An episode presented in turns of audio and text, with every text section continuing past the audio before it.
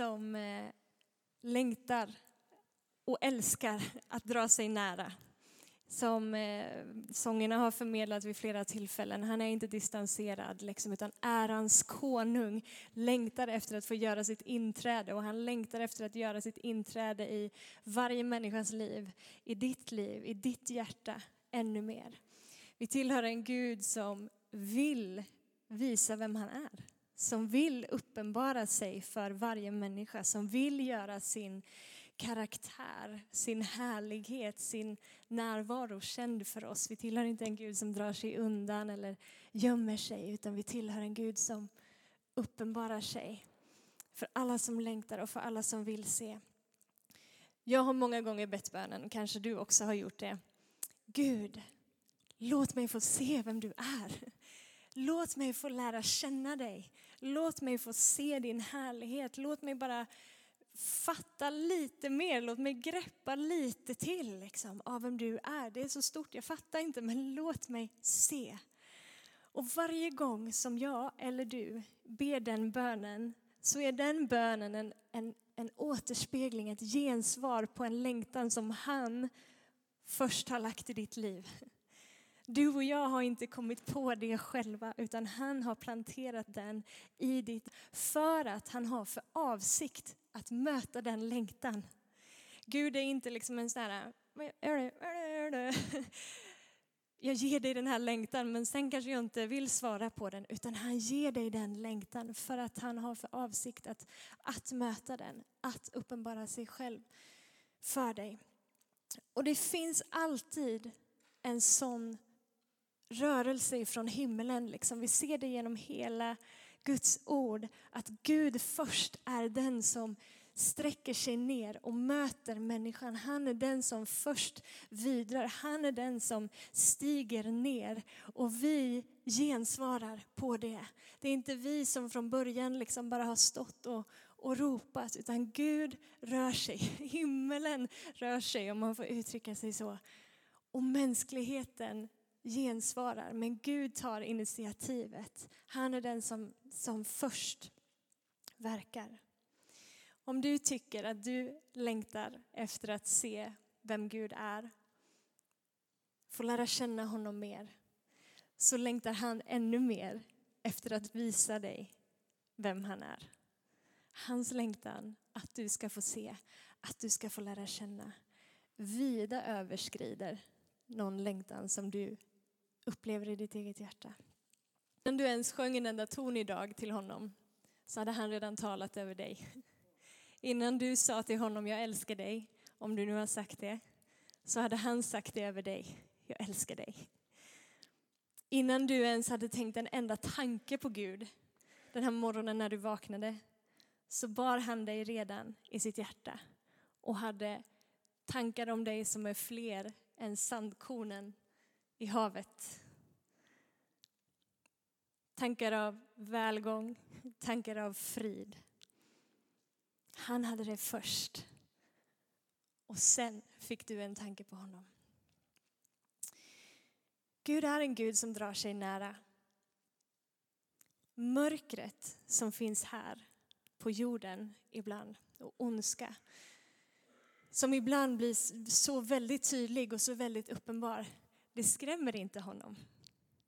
Han blir inte rädd för det. Synden skrämmer inte honom. Han drar sig inte undan. Ibland tror jag att vi har en bild av honom att han är helig, vilket han är. Men vi tänker att heligheten är lika med att Gud drar sig undan det som är mörkt, det som är sargat, det som är brustet. Men det motsatta är ju sant. Han drar sig nära det som är mörkt, det som är sargat, det som är skadat och det som det som är brustet, det kan hela sig själv. Jag för min del, om jag ska reflektera över hur jag ibland förhåller mig till Gud, trots att jag vet att motsatsen är sann, Ibland hamnar jag i någon slags religiöst beteende liksom, där jag döljer det som är mörker i mig, det som är mörker i mitt eget hjärta. För vi alla har sådana områden i våra liv som vi skäms för, som kanske inte är så snygga. Liksom. Det är inte the pretty things. Vi alla har dem. Och vi döljer dem ibland inför Gud För att vi har den här bilden av att han är så helig. Så jag måste först snygga till mig själv lite grann. Jag måste först rätta till det här innan jag kan komma inför honom, innan jag kan dra mig nära. Jag behöver liksom visa upp den här bästa fasaden. Men Gud är inte rädd för mörkret i dig. Gud är inte rädd för ondskan i dig. Gud är inte rädd för oron i dig. Han är inte rädd för fruktan i dig. Han trillar liksom inte av sin tron för att du tänker lite orättfärdiga tankar ibland. Han vill istället vara den ärans konung som gör sitt inträde på de områden i ditt hjärta som kanske just nu ligger i mörker. Som just nu gör ont, som just nu är brustna, som du just nu inte vet hur du ska kunna ta dig själv ur, för du kan inte lyfta det här ur. Bara han kan lyfta dig därur. Vi ska läsa ifrån Johannes evangeliet kapitel 1. I begynnelsen var ordet och ordet var hos Gud och ordet var Gud. Han var i begynnelsen hos Gud. Allt blev till genom honom och utan honom blev ingenting till av det som är till. I honom var liv och livet var människornas ljus. Och ljuset lyser i mörkret och mörkret har inte övervunnit det. Det kom en man, sänd av Gud. Hans namn var Johannes. Han kom som ett vittne för att vittna om ljuset, för att alla skulle komma till tro genom honom. Själv var han inte ljuset, men han kom för att vittna om ljuset. Det sanna ljuset som ger ljus åt alla människor skulle nu komma in i världen. Han var i världen och världen hade blivit till genom honom, men världen kände honom inte. Han kom till det som var hans eget och hans egna tog inte emot honom. Men åt alla som tog emot honom gav han rätten att bli Guds barn, åt de som tror på hans namn. De är inte födda av blod eller av köttets vilja eller av någon mans vilja, utan av Gud. Och ordet blev kött och bodde ibland oss. Vi såg hans härlighet, den härlighet som den enfödde har från Fadern. Och han var full av nåd och sanning. Johannes vittnar om honom och ropar. Det var om honom jag sa, han som kommer efter mig är före mig, för han var till före allting. Av hans fullhet har vi alla fått nåd och åter nåd. Hela den här texten visar hur Gud drar sig nära mörkret för att lysa upp det. Vid tiden när liksom Jesus kliver in på scenen, när ordet blir kött och tog sin boning bland oss, då är det mörkt i världen. Då är det riktigt mörkt i världen. Ondska råder och all typ av, av hat och sånt som vi ser också idag. Det råder big time där. Fanns det människor då, på den tiden, som längtade efter Gud, precis som vi? Ja, självklart fanns det det. Och den tidens religiösa ledare, alltså för någonstans så tänker jag så här, om, om man längtar efter Gud, om man ännu inte har lärt känna Gud, så längtar man efter Gud. Vart drar man sig? man, man drar ju sig till dem som man tänker att de här vet någonting om vem Gud är. Alltså de, de som är de religiösa ledarna. Den tidens religiösa ledare, skriftlärda fariseer, eh, jag, jag kan ju inte tala för varje individ, men vi vet att Jesus vid flera tillfällen benämner dem som hycklare. Han kallar dem för huggormsyngel. För han säger att ni putsar på utsidan av era, era bägare men på insidan så är det ruttet. Liksom.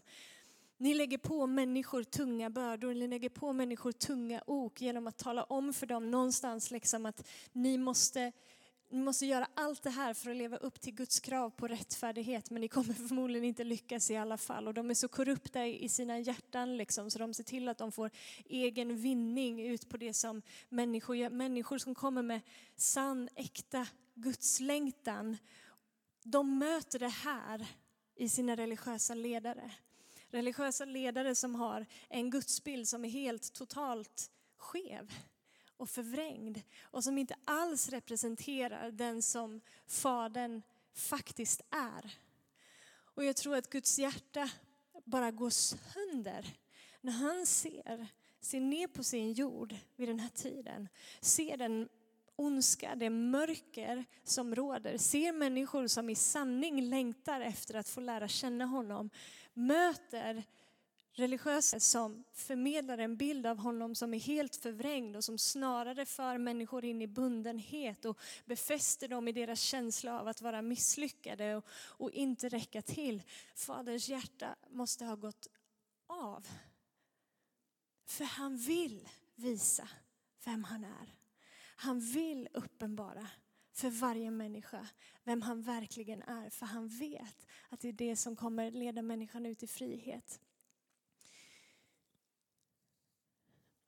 Det här, jag ska dela en liten liknelse eller en liten berättelse och jag förstår att den liksom kommer supermycket till korta. Eh, men ändå på temat liksom. Eh, min pappa har eh, hållit på mycket med musik i sina dagar och när jag växte upp så var han under en period med i en vokalensemble. Och de hade mycket konserter och sådär och som liksom musikerns dotter eller så, här, så fick man alltid hänga med på alla konserter.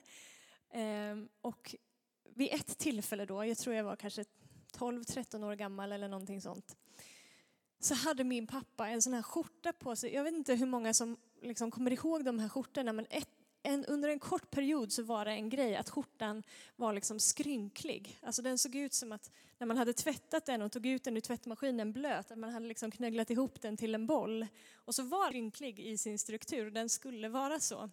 Och en sån skjorta hade min pappa i alla fall på sig på en sån här konsert. Och sen när jag är på väg hem ifrån eh, kyrkan där konserten hade varit så går jag på trottoaren ensam och bakom mig ett par tre meter så går det ett sällskap och de har ju ingen aning om att jag är dotter till den som de precis har varit och lyssnat på på den här konserten. Så de går och pratar om min pappa i alla fall och pratar om min pappas skjorta och säger såg ni vilken konstig skjorta han hade på sig och kan man inte ta sig tid att stryka innan man ska uppträda? Liksom, vad, eh, vad, är det för, vad är det för kille som inte tar det här på allvar? Hur oordentlig kan man vara? Och jag går och lyssnar ganska länge på det här och jag blir så fruktansvärt arg för att jag vet ju att den där skjortan ska faktiskt vara så där. Det är meningen liksom. Så till slut så kan jag liksom inte hålla mig utan jag tvärstannar och vänder mig om och säger den som ni pratar om nu, det är min pappa och skjortan ska vara skrynklig. Och de bara blir helt knäpptysta, snacka om att tappa fejset. Det jag försöker måla bilden av här nu, är, det här är ju liksom, det här var min pappa-dotter-relation. Men jag tänker Guden, sonen, vad händer i sonens hjärta liksom? När han ser hur missuppfattad, hur missförstådd hans fader var. Hans hjärta måste gå av också. Det liksom väcks någonting i ett Nej, ni förstår inte. Det är inte så där han är. Det är inte så min fader funkar. Han lägger inte bördor på människor på det sättet. Han fördömer inte på det sättet. Han skuldbelägger inte på det sättet. Ni måste förstå, liksom. Det här är hur han är. Hjälp vad tiden springer. Det här mörkret som var när Jesus kliver in på scenen i det som vi läser om här i Johannes 1. Den ondskan som är ett resultat av synden. Synden och dess konsekvenser det går riktigt djupt. Det går riktigt djupt. Och samma sak ser vi nu. Ingenting har förändrats i tillståndet i människans hjärta. Mörkret är fortfarande lika djupt i människans hjärta. Synden och dess konsekvenser går fortfarande lika djupt i människans hjärta nu det gjorde då. Vi var slavar under synden. Vi var Guds fiender. Vi var vredens barn, säger Bibeln vid något tillfälle. Vi var bundna, vi var blinda, kötsliga, själviska, ogudaktiga, orättfärdiga. Så här säger till och med Titus. Vi var ju själva en gång oförnuftiga, trotsiga och vilsna. Vi var slavar under olika begär och lustar. Vi levde i ondska och avund. Vi var avskyvärda och hatade varandra. Det var då och det är nu omöjligt för en människa att rädda sig själv ur det där tillståndet. Människan kan inte frälsa sig själv. En blind människa kan inte öppna sina ögon. En, en, en, en person som är infekterad av någonting kan liksom inte rena någon annan med samma infektion. En människa kan inte lyfta sig själv upp ur mörkret, lyfta sig själv upp ur dyn eller bryta sin egen fångenskap, slita loss sina egna kedjor. Det är omöjligt för människan i det tillfället att frälsa sig själv eller att lyfta sig själv. Om människan i sin orättfärdighet liksom måste sona ett straff för att betala för syndens konsekvenser, för ondska och mörker, så kan inte en annan människa som också har begått samma brott och egentligen skulle ha samma straff kan inte gå till domstolen och säga jag betalar, jag tar straffet istället för den här personen. För den här personen måste ju betala sitt eget straff. Liksom. Utan bara en person som själv inte har begått samma brott skulle kunna kliva in som en ställföreträdare och betala det straffet. Sona det straffet. Och bara en människa, om det är en människa som ska betala priset så är det bara en människa som kan vara ställföreträdare. En människa som någonstans har fått leva under samma förutsättningar, möta samma typ av grejer, som har samma preferenser. Liksom. Bara en människa skulle kunna göra det. Men bara en människa som själv är fri ifrån allt det mörker och synd som den som den ska betala för. Och det finns bara en enda som har varit helt totalt fri ifrån allt det som människan skulle behöva betala för. Och det var Gud själv. Han är den enda som någonsin har varit helt syndfri. Han, till och med Jesus, blir avlad av den helige ande, född av jungfru Maria. Han blir till utan mänsklig inblandning. Det finns liksom inte en chans att han skulle kunna vara befläckad av synden. Han är helt och hållet ren. Gud vet att människan inte kan frälsa sig själv. Han vet att människan inte kan lyfta sig själv upp ur mörkret. Men han vet att en människa måste vara den som betalar straffet. Men han vet att bara han kan göra det. Därför så väljer han, Gud själv, att låta sig födas, att bli människa i Jesus Kristus. Ordet blir kött. Inkarnationen det är det som är hela centrum av det som vi firar under julen. Inkarnationen är också första steget i det som är hela grunden för vår frälsning. Gud själv i människan Kristus kliver ner Gud själv väljer att ikläda sig mänsklig gestalt och identifiera sig med mänskligheten för att fullt ut kunna friköpa människan ifrån det som höll henne bunden. För att fullt ut kunna lyfta människan ur, ur mörkret, ur dyn, ur det som hon var slav under. Gud själv.